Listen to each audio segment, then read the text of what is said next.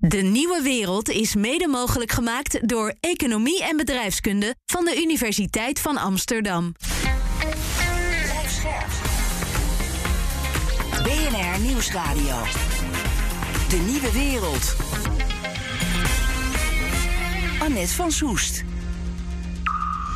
Van laptop tot auto en van defibrillator tot smartphone. Bijna overal zitten chips in. Minuscule chips zijn essentieel voor elk deel van onze economie. En met de toenemende digitalisering en zaken als de energietransitie wordt de vraag naar chips alleen maar groter. Chips zijn zo strategisch, ze zitten echt overal in. Het is gewoon de nieuwe olie of, of je nieuwe gas. Tegelijkertijd zijn er al twee jaar grote tekorten. You will know that the global shortage of chips has really slowed down our recovery.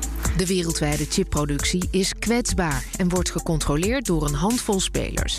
TSMC, Samsung en Intel uit Taiwan, Zuid-Korea en de Verenigde Staten. Europa wil die afhankelijkheid verkleinen. Om precies die reden lanceerde Ursula von der Leyen, je hoorde haar al even, voorzitter van de Europese Commissie, onlangs de European Chips Act. So this European Chips Act comes absolutely at the right time. Europa wil weer meedoen in deze strategisch belangrijke industrie. En daarom stel ik deze aflevering van De Nieuwe Wereld de vraag: wat als we in Europa onze eigen chipfabrieken gaan bouwen? Egbert Jan Sol werkt in het hart van de Nederlandse high-tech-industrie, Eindhoven. Hij is Chief Technology Officer bij TNO Industry en ik vraag hem welke plek Europa nou precies inneemt in de wereldwijde chipindustrie. Ja, Europa staat in een aparte positie. We leveren wel de, de, de equipment voor de chipfabriek, we leveren ook de materialen voor de chipfabriek. Alle nieuwe ontwikkelingen vinden wij eh, in Leuven bij IMEC plaats, maar we hebben geen grote fabrieken. We hadden vroeger wel grote fabrieken, maar in de nieuwste ontwikkelingen zijn, is Europa niet echt meegedaan. Alleen in Ierland staat nog een fabriek die de, die de grote wevers kan maken. In Europa heeft nog een paar ja, nu verouderde fabrieken, want na tien jaar is een fabriek verouderd. Maar dat is eigenlijk alles. Wij hebben dus geen grote fabriek in Europa staan. Mhm. Hoe afhankelijk zijn we dan als Europa van al die andere landen en regio's? Ja, je zou willen zeggen van Europa moet helemaal zelf-supporting zijn. Mijn, mijn mening is een beetje dat die chipwereld zo complex is dat geen enkel continent het helemaal alleen kan doen. Ook Taiwan kan het niet alleen, want ze zijn nog steeds afhankelijk van de machines, en, en Korea ook, van de machines van ASML. Dus je, zou willen zeggen, maak, maken we ook een grote fabriek in Europa. Maar die grote fabriek in Europa kunnen we alleen maar maken samen met Intel of een TSMC of een Samsung. Dat kunnen we niet eens alleen meer. Maar zij kunnen het ook niet alleen. Hoe problematisch is die wederzijdse afhankelijkheid? Nou, in het tijdperk van globalisering was dat helemaal niet, uh, niet erg. Want je kon met iedereen goed uh, zaken doen. In een tijdperk van uh, continenten die helemaal zelf-supporting willen gaan worden, is dat erg, erg lastig. Kan dat überhaupt? Ik denk van niet. Sommige, en ik kan me voorstellen, politici denken dat het wel kan, dus dat je in Europa helemaal zelfstandig zelf-supporting kan zijn. Ik denk het niet, want deze, deze materie is zo verschrikkelijk complex. Niemand kan dat alleen. De Europese Commissie wil de positie van Europa op die wereldmarkt versterken door op grote schaal halfgeleiders te gaan produceren, zelf dus hier op het Europese continent. Is dat een verstandige koers? Ja, het is een heel verstandige koers. Uh, of je dat in Nederland moet doen of elders, dat is een discussie. Maar het is wel een verstandige koers. En realiseer je ook dat het gaat niet alleen over die, die 5 nanochips, die, die meest belangrijkste chips, die zometeen naar 2, 3 zullen gaan. Waarbij die eigenlijk alleen maar door die drie grote bedrijven gemaakt worden. Maar er zijn veel meer andere chips ook. Veel simpele chips, uh, fotonische chips. En daar heb je ook fabrieken voor nodig. Dus Europa hoeft misschien niet die hele, hele grote fabrieken in grote aantallen te hebben. Maar we moeten wel voldoende diversiteit hebben om een compleet product te kunnen maken waar ook die simpele chips in komen te zitten. Zijn we niet een beetje laat? Kunnen we de achterstand nog wel inhalen? Nee, het is niet te laat, maar we hebben wel haast. Uh, we zullen ook dit soort uh, heel geavanceerde fabrieken, zullen we er ook een aantal van in Europa moeten hebben. Uh, alleen, je kunt dat niet als Europees bedrijf doen. Je moet dat met of Intel doen, of met TSMC, of met Samsung. En eigenlijk is TMC de, de meest leidende partij, dus je zou graag een fabriek in Europa willen hebben. De vraag is alleen of de Taiwanese fabrieken buiten Taiwan willen neerzetten. Want zij zien dat toch wel stiekem een beetje als een verzekeringspremie. Hun, hun concentratie van hele waardevolle fabrieken, unieke fabrieken in Taiwan. Dat als de Chinezen daar ooit eens een keer foute beslissingen gaan nemen. Als daar ooit een oorlog zou ontstaan en die fabrieken dus niet meer kunnen produceren, de hele wereld dan op een gegeven moment in de problemen komt. En dat de Chinezen wel twee keer bedenken voordat ze Taiwan gaan invallen, omdat dan de hele wereld ook eh, China in een boycott zou kunnen stoppen. Goed plan dus om chipfabrieken in Europa te bouwen, zegt Egbert-Jan Sol. Niet alleen voor de complexe, maar ook voor de simpele chips. En doe dat dan samen met andere grote fabrikanten, want alleen kunnen we het niet. Bram Nauta is hoogleraar elektrotechniek aan de Universiteit Twente. En het ontwerpen van chips, dat is zijn vak. Hoe kijkt hij aan tegen de bouw van Europese chipfabrieken? Moeten we dat willen? Uh, ja en nee. Het is, uh, we hebben chipfabrieken staan en die draaien ook productie. En dat is allemaal prima. Alleen ons marktaandeel is erg klein. Is nu 10%. Dat willen we omhoog. In een markt die groeit, dus het moet flink omhoog. Um, als wij nu een hele moderne chipfabriek gaan neerzetten, als we dat zouden doen, dan moeten we heel veel subsidie geven aan een bedrijf die dat gaat doen. Dat gaat ons veel geld kosten. En dan gaat die fabriek vooral producten maken voor de Amerikaanse bedrijven. Want als je kijkt, die chips worden nu gemaakt in Taiwan vooral. En een beetje in Korea, maar vooral Taiwan. En dan is zo'n beetje 90% van de hele productie uit Taiwan... gaat gewoon naar grote Amerikaanse bedrijven... zoals uh, Broadcom, Qualcomm, Apple, Facebook, Google. Die ontwerpen ook allemaal chips. Um, en als wij zo'n fabriek in Europa zouden neerzetten met subsidie... dan gaan we ook al die chips weer leveren aan Amerika. Dus de, de vraag zit echt in Amerika. En dan denk ik dat je dan zo'n fabriek, als je hem al weg wil halen uit Taiwan... dat je hem dan beter in Amerika neer kan zetten dan in Europa. Want die Amerikanen gooien er nog meer subsidie tegenaan dan wij. En de klanten zitten in Amerika, dus die hebben gewoon veel meer belang. En het is ook gewoon economisch slimmer om dat te doen.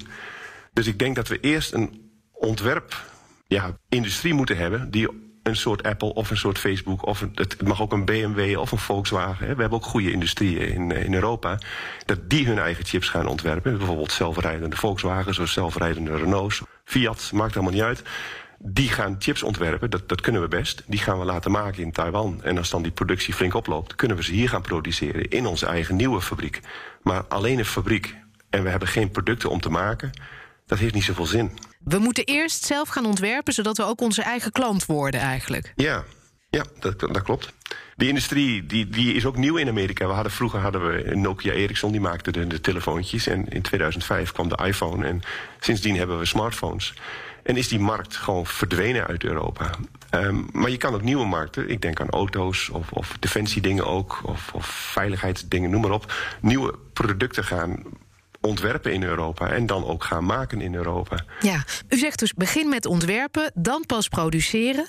Maar we hebben die industrie niet, die complexe chips ontwerpt. Hebben we, wel de, hebben we wel de kennis en de mensen in huis om die complexere chips te gaan ontwerpen? Ja, ja wij, wij ontwerpen nu vooral stukjes van grote chips. We hebben rondom de Universiteit Twente zitten bijvoorbeeld negen chipbedrijfjes of bedrijven.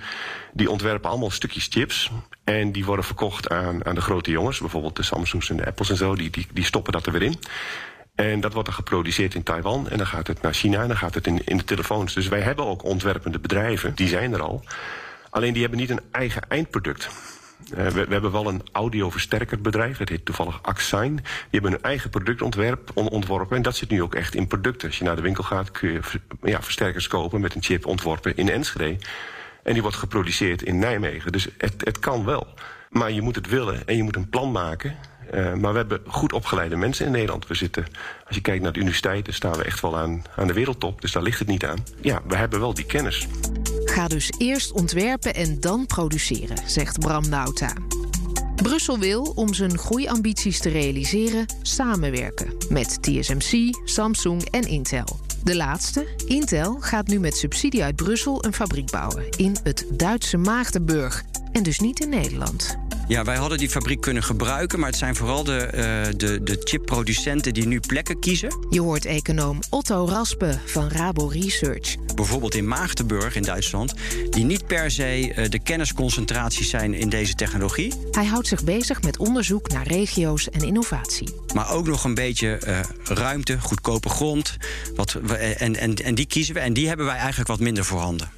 Is het in dit soort industrieën eigenlijk altijd zo dat overheden moeten bijspringen? Want ook Intel krijgt geld uit Europa voor het neerzetten van die fabriek. Wordt de productie van microchips altijd en overal gesubsidieerd? Nee, altijd en overal uh, is, is een, een, grote uitspraak. Maar wat je wel ziet is dat het perspectief van overheden op technologische en innovatieve ontwikkelingen wat is veranderd. Hè. Heel vaak was de gedachte dat moet de markt maar doen. En, eh, en uh, wij faciliteren hooguit een beetje. Je ziet langzaam ook het perspectief verschuiven naar actief investeringsbeleid vanuit overheden op die nieuwe technologieën. En een beetje vanuit de gedachte, uh, wat ook wel heel mooi in een boek van Marianne Mazzucato is beschreven, de entrepreneurial state, de ondernemende overheid, die echt samen met het bedrijfsleven deze hele grote, onzekere investeringen gaat doen. Want deze investeringen zijn eigenlijk voor elke individuele partij te groot en te moeilijk. En daar, daar zie je dat overheden inspringen.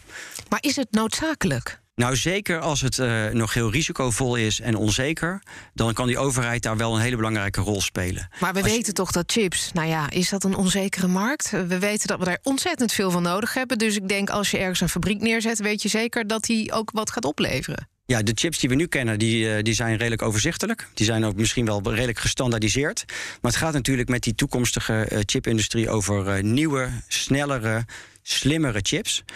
Met andere technologieën. Fotonica wordt daarbij genoemd. En dan zie je ook weer dat het ecosysteem van de Brainport... met, met zo'n bedrijf Smart Photonics eigenlijk nog een start-up, een scale-up is. En, en overheden hebben ook wel een beetje daar de taak gehad om die bedrijven wat te helpen in die eerste fase en, te onder, en, daarbij te ondersteunen. En bij dat bedrijf was het zelfs nog zo dat uh, het zo'n interessant bedrijf is dat er ook kapers op de kust waren. Daar eigenlijk misschien wel bijna weggekocht was geworden en uit dat ecosysteem getrokken.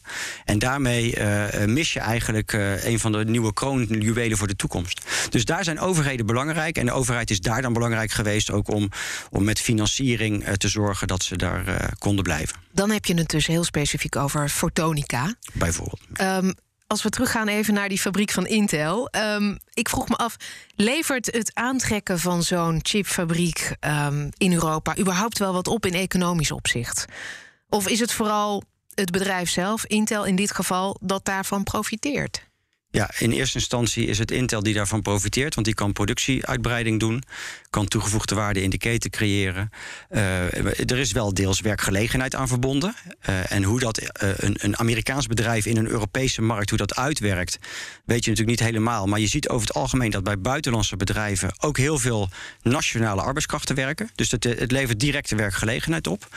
Maar misschien wel belangrijker, in die keten van samenwerking van zo'n chipproducent met iedereen die daarbij verbonden is, tot aan de machine-industrie die die chips kan, uh, kan maken. Maar ook het design en het ontwerp en de kennis. In die keten zit veel toegevoegde waarde. Daar is het denk ik belangrijker voor dan het directe werkgelegenheidseffect van de vestiging van Intel.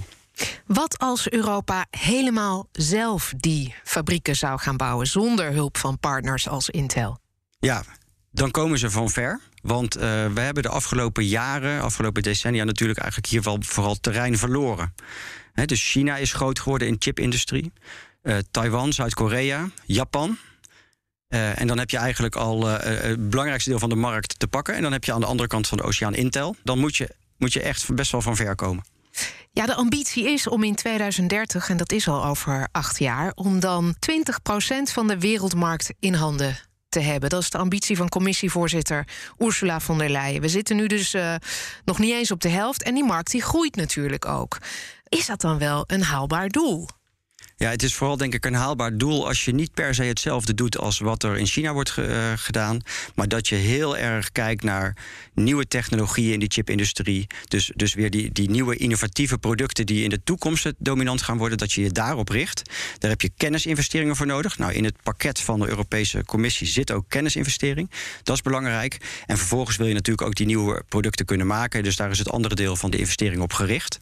Maar het is een grote opgave in, in een markt die, uh, die eigenlijk gedomineerd wordt door andere partijen dan Europa. Die ook niet stilzitten. Die ook niet stilzitten. Die nee, ook investeren. Om maar te noemen, uh, uh, er is in Taiwan een heel groot bedrijf in de chipindustrie en dat heet TSMC. En die gaat bijvoorbeeld al zelf 100 miljard in productiecapaciteit uitbreiding investeren. En wij gaan als heel Europa 40 miljard investeren om eigenlijk nog aan die race te kunnen beginnen. Dus het zal best wel uh, ingewikkeld worden. Dus kies je niches. Kies ook je toegevoegde waarde. Die zit hem vooral in Europa in kennis. Met echt, echt toonaangevende academische kennis en toegepaste kennis die we daarvoor nodig hebben. En dan ben je een interessante partner. Als je, als je ook daarmee in die samenwerkingen zoekt. En helemaal vanaf nul beginnen, een eigen fabriek beginnen. Dan zou je eigenlijk een soort alliantie moeten sluiten, denk ik. Kan Europa met meer eigen fabrieken wel verstoring van die productieketens, die toeleveringsketens voorkomen? Ja, als je eigen uh, chips kan produceren, ben je natuurlijk minder afhankelijk en zijn de ketens korter, heb je, heb je meer regie. Maar aan de andere kant, uh, als dat wordt gedaan door uh, dezelfde partijen die in Azië zitten, maar die dan een vestiging in Europa krijgen, of, of, of, een Amerikaans bedrijf, dan is het maar de vraag hoe, hoe dat uitpakt. En wat misschien ook nog wel belangrijk is om hierbij te beseffen, is dat de grondstoffen om chips te maken, die komen ook niet uit Europa. En als je, kan dus wel de fabriek hier neerzetten, maar vervolgens heb je de grondstoffen nodig, die bijvoorbeeld ook voor een belangrijk deel uit Japan komen. Dus die afhankelijkheden, die zijn heel complex. En die zijn niet uh, alleen maar opgelost met een nieuwe fabriek binnen de Europese grenzen. Ja, de afhankelijkheden zijn dus wederzijds. Maar ik ben toch benieuwd. Hoe verkleint de komst van een Amerikaans bedrijf als Intel onze Europese afhankelijkheid van buitenlandse chipmakers? Wat is het belang voor Intel en wat is het Europees belang? Ik vraag het hoogleraar elektrotechniek Bram Nauta. Voor Intel is het interessant omdat ze zich hier gaan richten op de automobielindustrie. Dus Intel heeft zich vooral gericht op computers. En daar zijn ze een beetje ingehaald door AMD. Ze zitten in de datacenters. Uh, maar ze willen ook de automobielindustrie bedienen van chips. Want daar zaten nu vrij simpele chips in. Bijvoorbeeld om het raam open te doen of de airco te controleren of de spiegeltjes bij te stellen. Redelijk simpele dingen. Maar die auto's worden steeds slimmer. Je gaat straks gewoon tegen die auto zeggen: Ik wil naar oma. En dan rijdt hij er gewoon heen vanzelf. Automatisch. En daar heb je hele andere chips voor nodig. En dat zijn die hele moderne chips. En Intel wil graag die markt hebben. En er zitten veel afnemers in Europa, want we hebben veel grote auto-industrie, zowel in Duitsland als Frankrijk. Dus je ziet ook dat Intel naar die landen kijkt om vlakbij hun, hun klanten te zitten en misschien wel wat mensen over te nemen van, van bedrijven om dan samen die chips te gaan ontwerpen voor de auto's. Dus ik denk dat Intel dit ziet als een hele mooie kans om met subsidie zijn eigen marktaandeel een beetje te verschuiven richting uh, de automobielindustrie, want die gaat nu heel erg groeien. Dat wordt gewoon een computer op wielen. Een heel logische stap dus uh, vanuit het oogpunt van Intel. Wat is het Europese belang? Eh, dat we auto's kunnen maken met die chips erin. Stel je voor dat die chips niet leverbaar zijn in de toekomst. Bijvoorbeeld, nou, ze komen nu uit Taiwan, daar is niks mis mee, dat doen ze heel goed. Maar ik weet niet of Taiwan nog over 30 jaar net zo vrij land is als, uh, als nu. Misschien vindt China dat ook wel leuk om een keertje te gaan bezetten. Je weet het niet. En als dat zo is, dan zijn we dus afhankelijk van, uh, van China voor onze onderdelen, voor onze auto's. We ruilen wel uh, de ene wereldmacht in uh, voor de andere. Hè? Want hoe vergroot zo'n fabriek van Intel onze autonomie als we op Europees grondgebied chips maken voor een Amerikaans bedrijf? Ja, daar ben je ook afhankelijk. Dat is ook zo. Ja, de wereld hangt samen van allerlei dingen. En ik zou het nog fijner vinden als we een Europese fabrikant kunnen verleiden om, om zo'n fabriek neer te zetten. En we hebben fabrikanten zoals NXP en ST en Infineon. En die zitten nu vooral op die iets oudere technologieën te werken. Die hebben vrij, ja, niet zo hele geavanceerde chips, maar nog wel steeds behoorlijk geavanceerd. En ik zou het heel fijn vinden als die met een duwtje in de rug, met wat geld, ook een stap zouden maken naar geavanceerdere uh, processen. En dat, dat lijkt me dan beter. Ja, dus uh, het, het zou ook op eigen kracht kunnen. We hebben, die partners, wel, ja. we hebben die partnerschappen niet echt nodig. Maar het helpt wel om te beginnen. Dus ik denk als, als we een Intel-fabriek hier hebben staan, dan worden mensen opgeleid en die gaan daar werken. Als je dan daarnaast een andere fabriek zet van een Europese eigenaar, dan, dan kun je die mensen weer aannemen. Dan heb je gewoon de mankracht en, en, en de kennis uh, in huis. Maar je moet ook oppassen. We hadden Dialog Semiconductor, dat is een Europees fabless bedrijf. Dus die ontwerpen chips. En die hebben bijvoorbeeld de hele DECT en de Bluetooth-markt, uh, die hebben ze. Uh, dat worden trouwens in Nederland ontworpen, die chips. Dat was een Duits-Engels bedrijf, Dialog Semiconductor. Ik denk niet dat de mensen het thuis kennen, maar het zit echt overal in. Dat is nu net verkocht naar Renesas, een groot Japans bedrijf. Dus je denkt dat je dan een Europees bedrijf hebt. En dat wordt dan verkocht en dan is het een Japans bedrijf. Mm. Maar dat was, een, dat was een fabless bedrijf, dus die hadden geen eigen fabriek. Bedrijf. Ja, die hadden geen eigen fabrieken. Maar ik, ik weet niet of dat zo erg is, want de ontwerpers zitten nog steeds in Nederland. En die mensen kunnen morgen ontslag nemen en weer bij een ander bedrijf gaan werken. Dus de kennis hebben we. Alleen de eigenaar van het bedrijf is, is Japans. En, en ook NXP is gewoon een Amerikaans beursgenoteerd bedrijf. Dat was vroeger Philips. Het is beursgenoteerd, dus ja, wie is daar de baas? Dat zijn de aandeelhouders. Maar we hebben wel de kennis in huis in Nederland om dat allemaal te doen. Dus ik denk dat het belangrijk is dat je de mensen hebt en de kennis. En wie de eigenaar is van zijn fabriek, ja, dat is eigenlijk secundair. Maar het liefst wil je een eigenaar hebben van de Europeanen. Maar aan de andere kant, ja, het gaat allemaal over aandelen over de hele wereld. Dus ja, een nationaal bedrijf bestaat niet meer. Ik wil even terug naar die fabriek van Intel. Want de Adviesraad Internationale Vraagstukken heeft uh, gezegd... Nederland um, is niet assertief genoeg geweest om die fabriek naar Nederland te halen. Deelt u die mening? Ja, dat denk ik wel. Ik denk dat we best een kans hadden gehad. We hebben ook uh, best wel fabrieken in Nederland staan. Iets, iets grotere technologieën. We hadden best wat uh, kunnen halen. Duitsland en Frankrijk hebben allebei een grote auto-industrie en een sterke chipindustrie. Er zit, uh, ST zit in, in Frankrijk en ook Italië. En er zit uh, Infineon zit in Duitsland, maar ook Global Foundries hebben fabrieken. Dus oud IBM is dat, um, fabrieken in Duitsland. Daar hebben ze gewoon een veel betere of, of veel actievere industriepolitiek. En Nederland heeft nauwelijks een industriepolitiek. En ik denk dat ja, het is een beetje in de jaren tachtig met die scheepswerven met staatssteun is het allemaal een beetje misgegaan toen. En we hebben nog steeds een enorm trauma om, om industriepolitiek te gaan bedrijven. Maar ik denk dat chips zijn zo strategisch, ze zitten echt overal in. Het is gewoon de nieuwe olie of, of je nieuwe gas, zeg maar. Je, je, moet het, je moet het gewoon hebben, je moet daar een, een speler in zijn. En we maken nu in Europa 10% van de chips. En als we niks doen, dan is het over 10 à 5%, omdat de anderen zo groeien. En Nederland zit er echt heel, heel passief bij. Als je kijkt waar uh, economische zaken naar kijkt, die hebben sleuteltechnologieën. Er staat van alles in, behalve elektronica en chips. Ze zetten vooral in op quantumcomputers en fotonica. En dat zijn, dat zijn ook andere chips. dingen. Dat zijn, ja, dat zijn chips, maar dat zijn hele andere chips. Die kunnen, kunnen bijvoorbeeld fotonische chips kunnen helemaal niet rekenen. Die kunnen niet wat een gewone chip kan, zullen het ook nooit kunnen. Die werken met licht en die kunnen niet, niet, niet rekenen. Dus dat is ook niet de toekomst van de chip of de opvolger van de chip. Dat is gewoon iets anders. Maar u zegt eigenlijk, wat u, wat u zegt is, wij, wij hebben de verkeerde focus. Of het ministerie Dat- van absoluut. Economische Zaken heeft de verkeerde Absoluut. focus. Ja, absoluut. Er wordt gekeken naar quantumcomputers die misschien over 30 jaar wat nuttigs kunnen doen, eh, maar absoluut niet chips gaan vervangen. En de fotonica gaat het ook absoluut niet doen. Dat is onmogelijk. Er zitten geen basiselementen die, dat, die in een chip zitten.